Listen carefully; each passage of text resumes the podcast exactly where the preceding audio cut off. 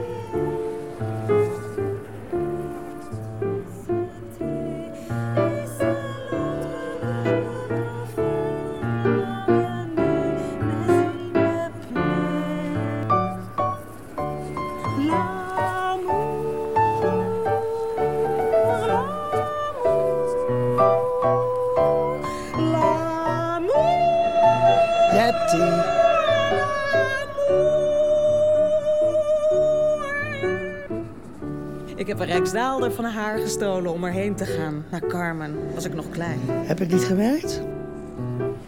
Een opera, dat wilde ik. Ik wilde een opera componeren. Heb je niet gedaan. Nee. Jammer. Ja. Si tu ne m'aimes pas, si tu ne m'aimes pas, je t'aime.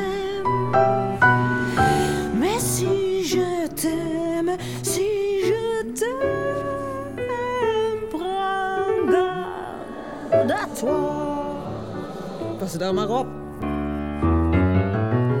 Elke dag, mijn hele leven, meteen als ik thuis kwam, daar lette zij op. Elke dag. Toonladders en gymnastiek voor de vingers. Elke dag moet je... Moet? Moet die moest zo nodig?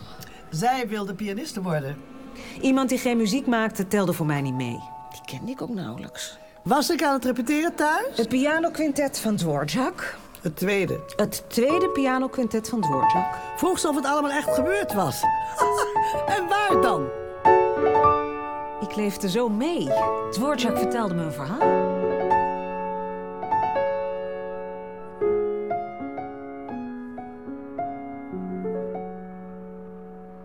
Muziek is echter dan het leven voor mij. Ze was zo'n lief, zo'n aanhankelijk meisje. Haar strek zat altijd scheef op het hoofd. Ik mocht hem niet recht doen.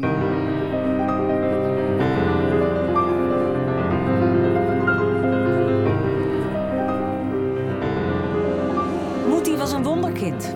Ze kreeg een beurs van de koning, van Willem III, om te studeren in het buitenland. Heel lang geleden, toen ze jong was. In 1876. Ze was een jaar of vijf toen we begonnen met pianoles.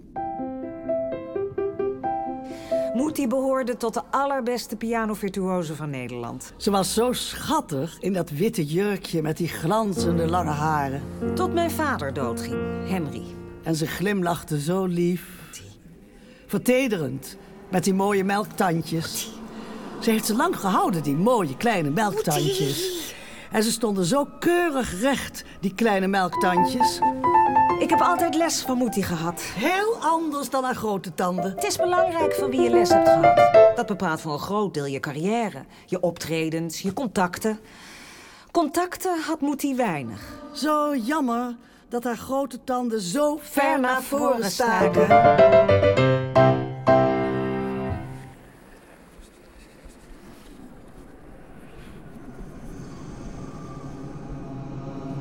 Harmonie, compositie, orchestratie.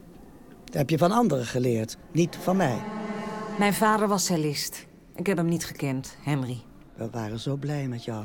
Ik had twee zusjes. Sarah en Hanna. Sarah leefde drie maanden. Hanna nog niet eens een maand. Je bleef leven. Dode zusjes. Zij bleef leven. Toen ik acht maanden was, ging Henry dood.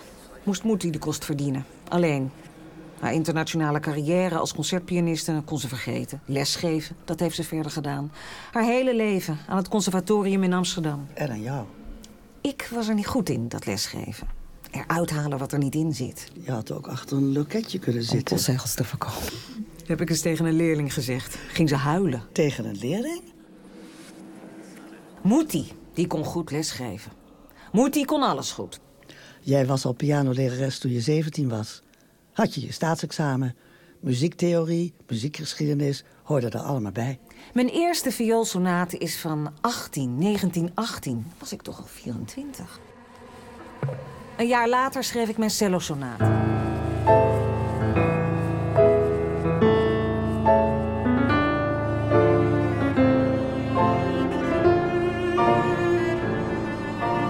Ik ben altijd van die sonaten blijven houden.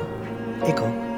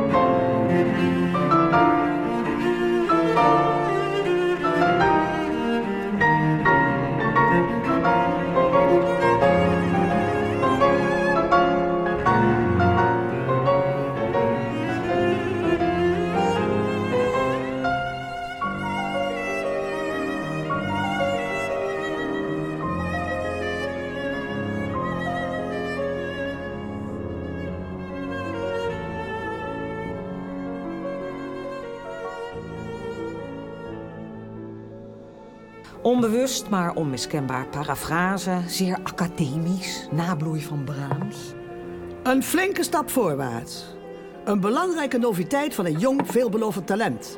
Een aanwinst voor de literatuur op dit niet zo ruim bedeelde gebied. Dat vonden ze ook, de critici. Slappe interpretatie, veel misslagen, slordigheden en haperingen. Last van geheugenstoornissen, misplaatste tempi, te veel pedaal.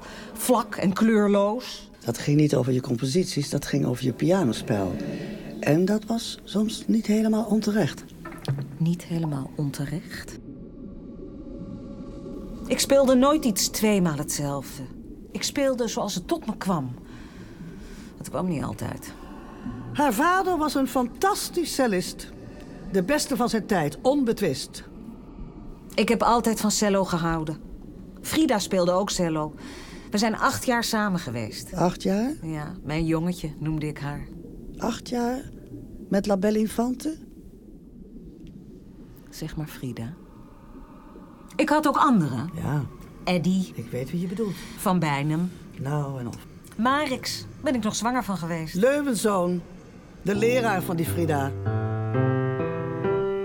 Frida heeft het als eerste gespeeld. Ik speel met links de cellopartij. Je tweede celloconcert. Er is nooit een opname van gemaakt.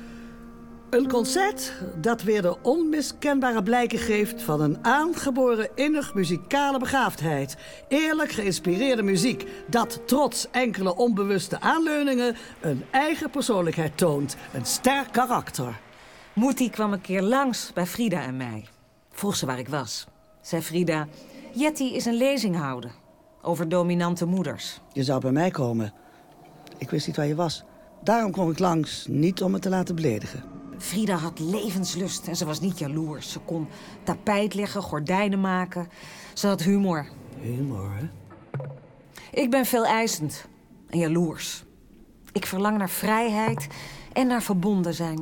Ik weet het niet. En, en, altijd iets ook. Frida had kleine handen. Kleine handen. Frida had hele kleine handen. Ze had een beetje kleine handen om cello te spelen. Frida was goed. Frida studeerde heel veel. Jij niet. Heb ik nooit begrepen. Ik begreep het niet van Frida, al dat studeren. Als je op een bepaald moment een passage nog steeds niet kan, leer je hem toch nooit? Ze had ook achter een loketje kunnen zitten om treinkaartjes te verkopen. Postzegels. Postzegels? Mogen ook treinkaartjes zijn. Geld is niet belangrijk, als je er maar van kan leven. Er is niets mis met lesgeven. Ik gaf ook les, maar ik was pianiste. Ik ook. Ik heb ontzettend veel opgetreden met alle orkesten van Nederland. Ik begeleide zangers en violisten en cellisten. En ik had een pianotrio, meer dan één. En je componeerde. En ik was componiste. Af en toe. Als je er zin in had. Ik kon er moeilijk toe komen. Ik verdiende er ook niks mee. Je zocht altijd afleiding.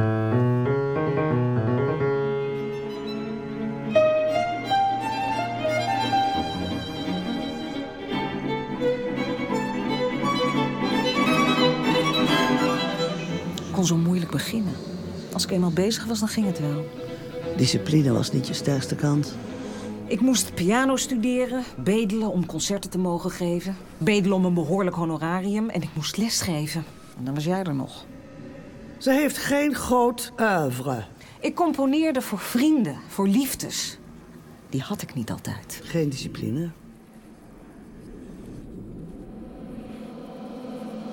Als ik eenmaal bezig was, had ik soms van die momenten. Heel even. Een soort helderheid. Ontstonden er oplossingen, onverwacht. Verraste ik mezelf. Gebeurde er iets, zomaar. Dan luisterde ik alleen maar.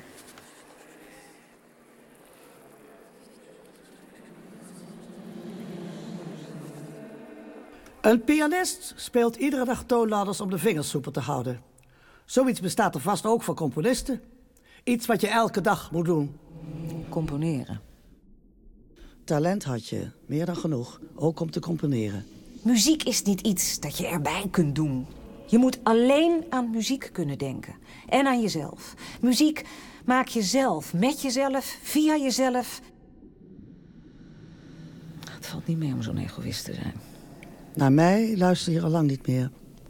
Vanaf je zeventiende al niet meer. Spelen is fantastisch. Zoals ik erin op kon gaan. Maar componeren, zelf iets maken, dat is het mooiste wat er is. Ik had meer kunnen doen. Zoveel meer, een heel leven.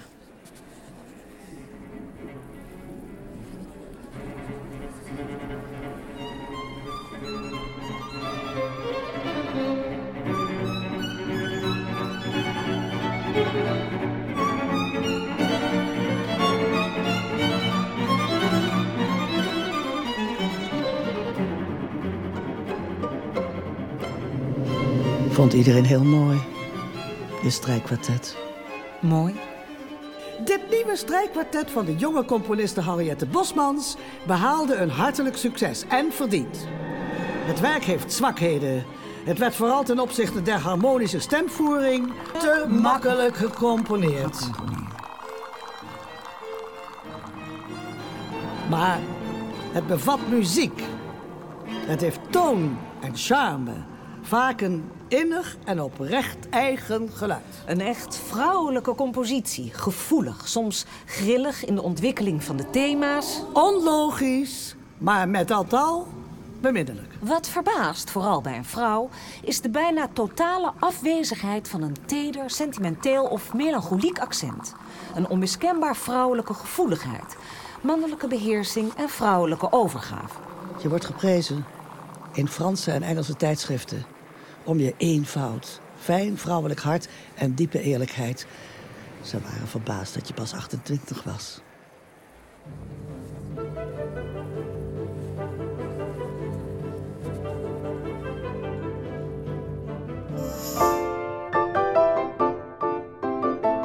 In die tijd maakte ik ook het concertino voor piano en orkest. Een groot succes. Je speelde het zelf ook prachtig. Fantastische recensies had je. Le Diable court dans la nuit. Noémie beweert dat zij mij die tekst heeft gegeven. Onzin. Die duivel ontdekte ik zelf, lang voordat ik haar kende.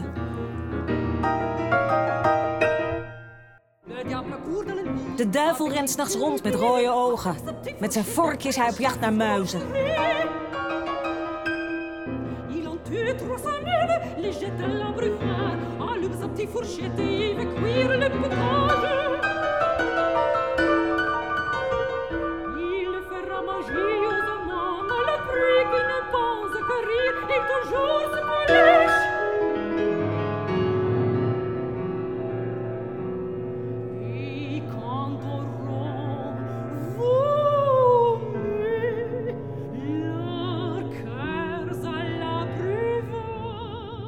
En het concertstuk voor fluit en kamerorkest heb ik gemaakt. En het concertstuk voor viool en orkest. Wie moet, moet die moest en nou zo nodig. Vijf jaar zit er tussen die concertstukken. Maar toch. Ik verdiende er nog steeds niets mee met het componeren. Alle partijen met de hand uitgeschreven. Het concertstuk is gedrukt. De partituur en de orkestpartijen. Het is gespeeld in Ja, Amerika. in Hartford, in Cincinnati, in de Carnegie Hall in New York. Ze werd de belangrijkste Nederlandse componiste van haar tijd genoemd. Ik heb het aan Francis opgedragen. De eerste uitvoering heeft hij niet meer meegemaakt. Francis, geweldige violist en zo'n lieve man. Hij was de enige met wie ik...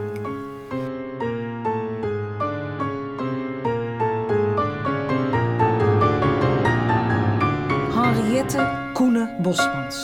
Je bent niet getrouwd. Mevrouw Francis Koene Bosmans. Je bent nooit getrouwd. We zijn twee jaar samen geweest. Wij wonen toch niet bij je? De energie die hij nog had voor zijn werk, voor mij, de liefde. Een onherstelbaar verlies. En ik had al zoveel mensen verloren. Waarom is mijn liefhebben altijd gemengd met treurigheid? We gaven samen nog concerten. Frank, Mozart, Brahms, Beethoven. Dat wilde hij. Een paar maanden later was hij dood. Was hij overleden? De volgende dag zouden we spelen in het concertgebouw. Toch nog plotseling. Toen hij dood was, dacht ik dingen, wist ik dingen. Dingen die ik daarvoor niet dacht, niet wist. Had ik ook. Dat weet ik zeker. Hij was er nog. Hij was er nog. Nou, weet ik dat zeker. Misschien met de zekerheid van een slaapwandelaar. Een slaapwandelaar? Het heeft niets te maken met de behoefte om vast te houden. Een behoefte aan troost, aan steun. We hadden het er moeilijk mee. Allebei.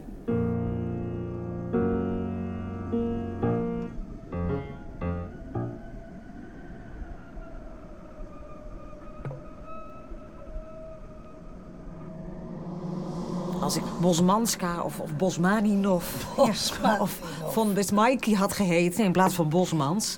had ik heel wat vaker in het concertgebouw gespeeld. Je hebt een lintje gekregen. Het beste in de Hollandse kunstenaar gaat ten gronde als hij in Holland blijft. Waar men het publiek probeert wijs te maken dat hij niet bestaat. Als ik niet zo lang had geleefd, was jij naar het buitenland gegaan. Ik wilde werken, concerten geven, leven. In Holland had ik alleen het recht om kaasboerin te zijn. Was dan naar het buitenland gegaan. En jou alleen laten? Ik had vrienden. Je had me nodig. Het werd oorlog. Ik kreeg opeens veel meer werk, vlak voor de oorlog. Buitenlandse solisten durfden niet meer naar Nederland te komen. In het buitenland had ze misschien voldoening gevonden. Had je recht op, vond je? Denk je? Dat denk jij. Als ik niet was geboren, had jij je internationale carrière als concertpianiste doorgezet. We waren zo blij met je. Jij bleef leven. Als ik niet had geleefd, had jij de oorlog niet overleefd.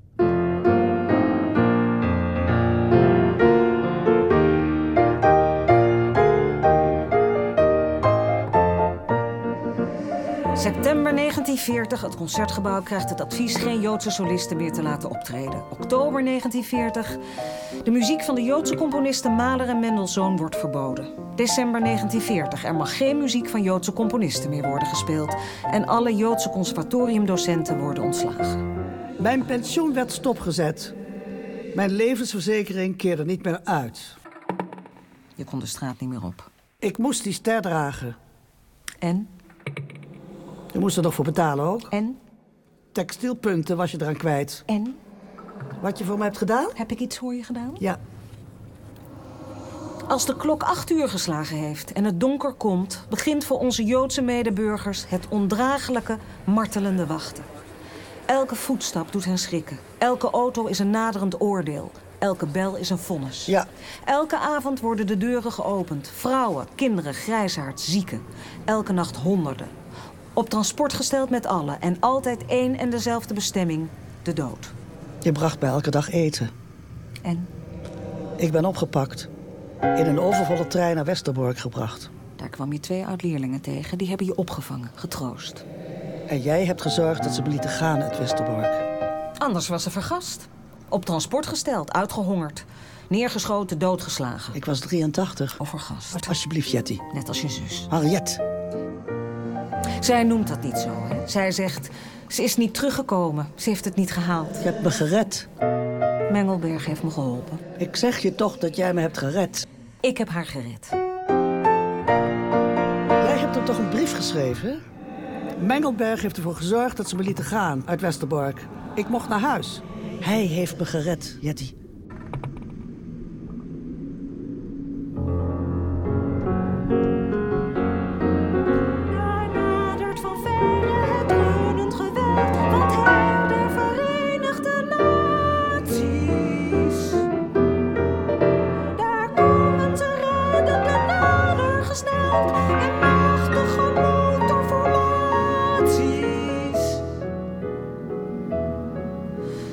Vincent zong het na de bevrijding vijf avonden per week.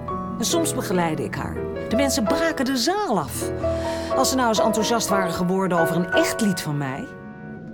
Lotje, die had een mooie stem. La Keuler. Een hele mooie stem. En het was een hele aardige vrouw. La la la la Keuler. Een hele mooie vrouw. En ze kon declameren fantastisch. Ja.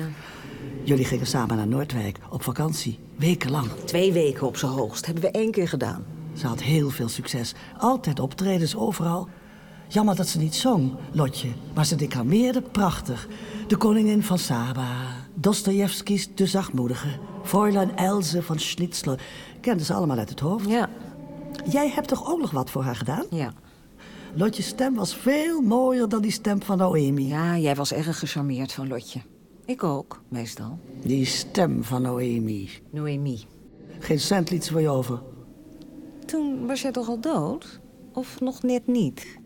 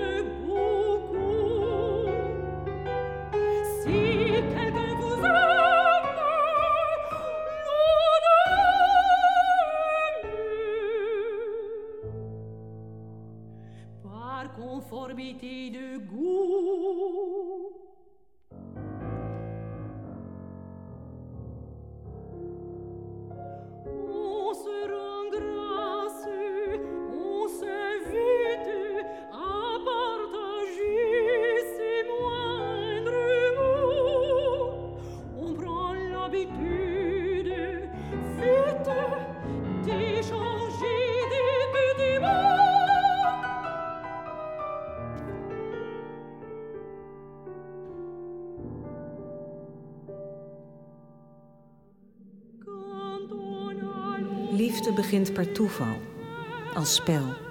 Uit nieuwsgierigheid. Omdat je mogelijkheden hebt gezien. In een blik.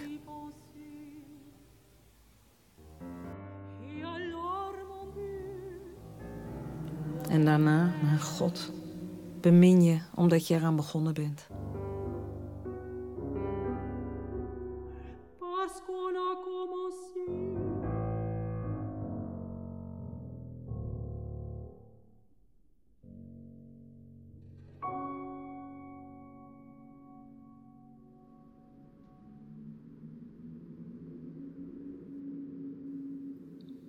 Is dat als moeder ook zo? Je bent eraan begonnen, dus voel je dat zo over je kind?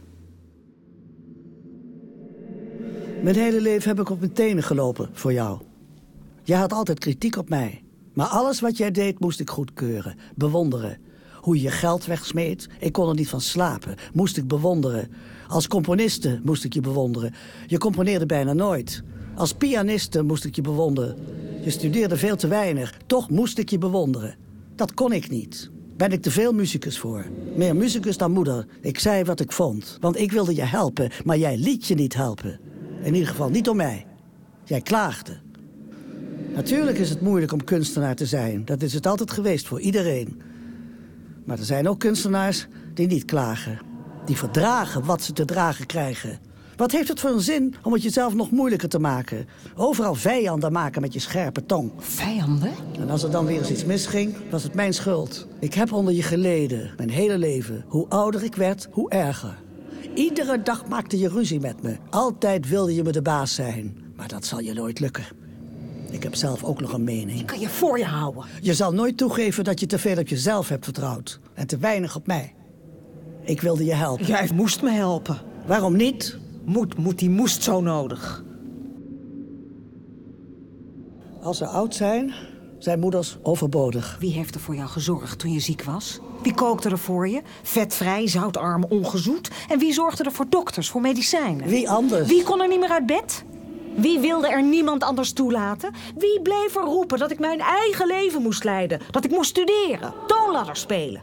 Alsof ik daar tijd voor had. Tijd om ook maar iets voor mezelf te doen. Op vakantie moest ik van je. Geen minuut kon ik je alleen laten. Ik was eenzaam. Was je dankbaar? Nee. Hoeft ook niet. Had je enig begrip hoe het voor mij was? Ik had een darmontsteking, een hartafwijking, heel erge bloedarmoede. Ik ging dood. Je klaagde de hele dag. Je kreunde, je steunde. Het liefst wilde ik ook dood. Maar ja, dat weet je nooit zeker. Ik begrijp dat het moeilijk voor haar is geweest. Misschien zoals die vrouw die altijd beweerde dat ze dood wilde... maar bij het oversteken toch altijd weer extreem oplettend was of er een auto aankwam. Ik begrijp dat het moeilijk voor je is Ik geweest. kon je niet verplegen zoals jij dat wilde. Ik liet me niet verplegen. Dat zeg je nu. Ja, Nu pas. ja.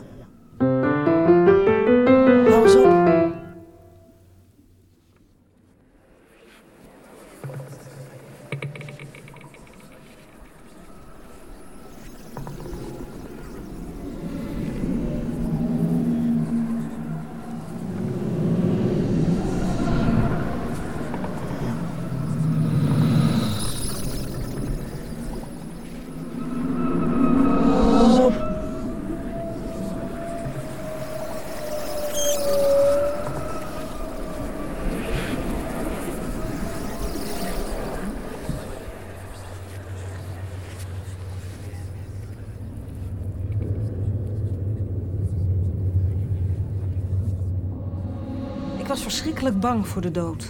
Ik voelde het allemaal zelf, haar lijden, honderd keer erger. Nog erger. Ik denk eh, omdat ik me alles te goed kon voorstellen. Ja? Noemi begreep mijn doodsangst, dacht ik. Ze leek nergens bang voor.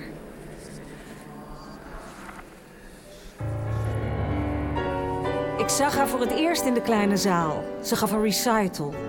Het was zo'n moment. De muziek doet iets. Je begrijpt iets. Ik bewonderde Noemi, ik kon niet anders. Haar charme, intelligentie, hoog opgekrulde jongenskop, prachtige lange handen zonder nagellak. Ze inspireerde me. Ik wilde mimosa-verkoopster worden in Frankrijk om bij haar te zijn. Ze was ook onmogelijk. Ze wilde niet dat ik over onze liefde componeerde. Als ze bij me had gelogeerd, was ik doodop en miste ik haar. Ongelooflijk. En zij mij.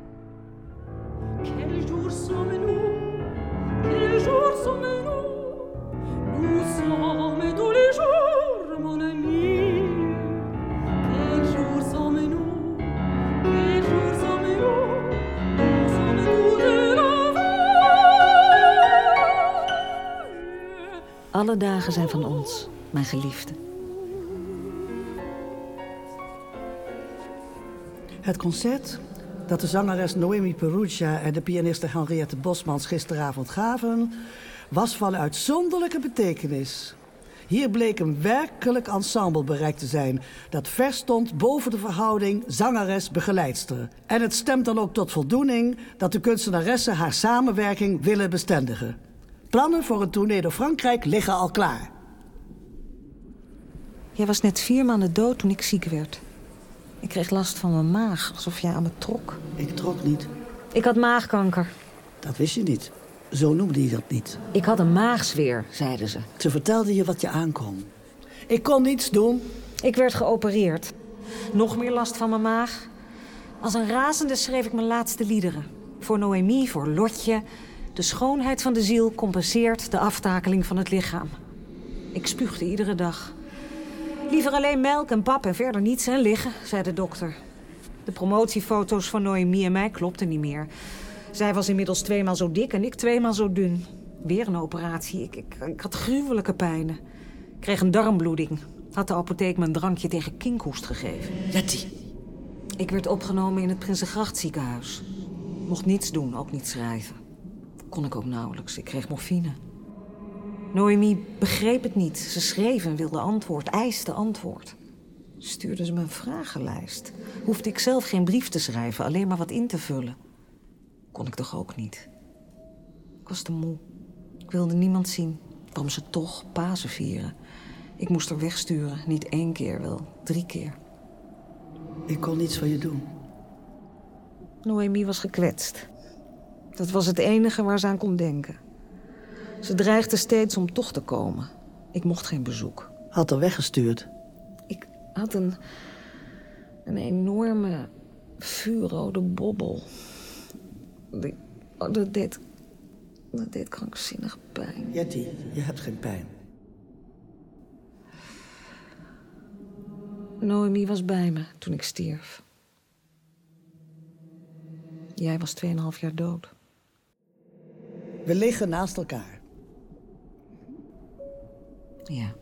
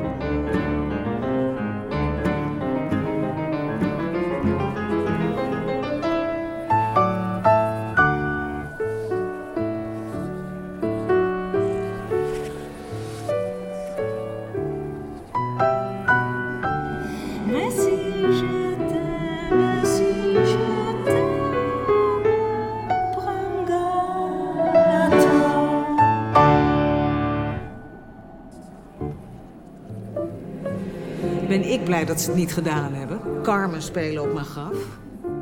Heb ik wel eens geroepen dat ik dat wilde? De hele Carmen. Had iedereen uren op zorgvliet gestaan. In die regen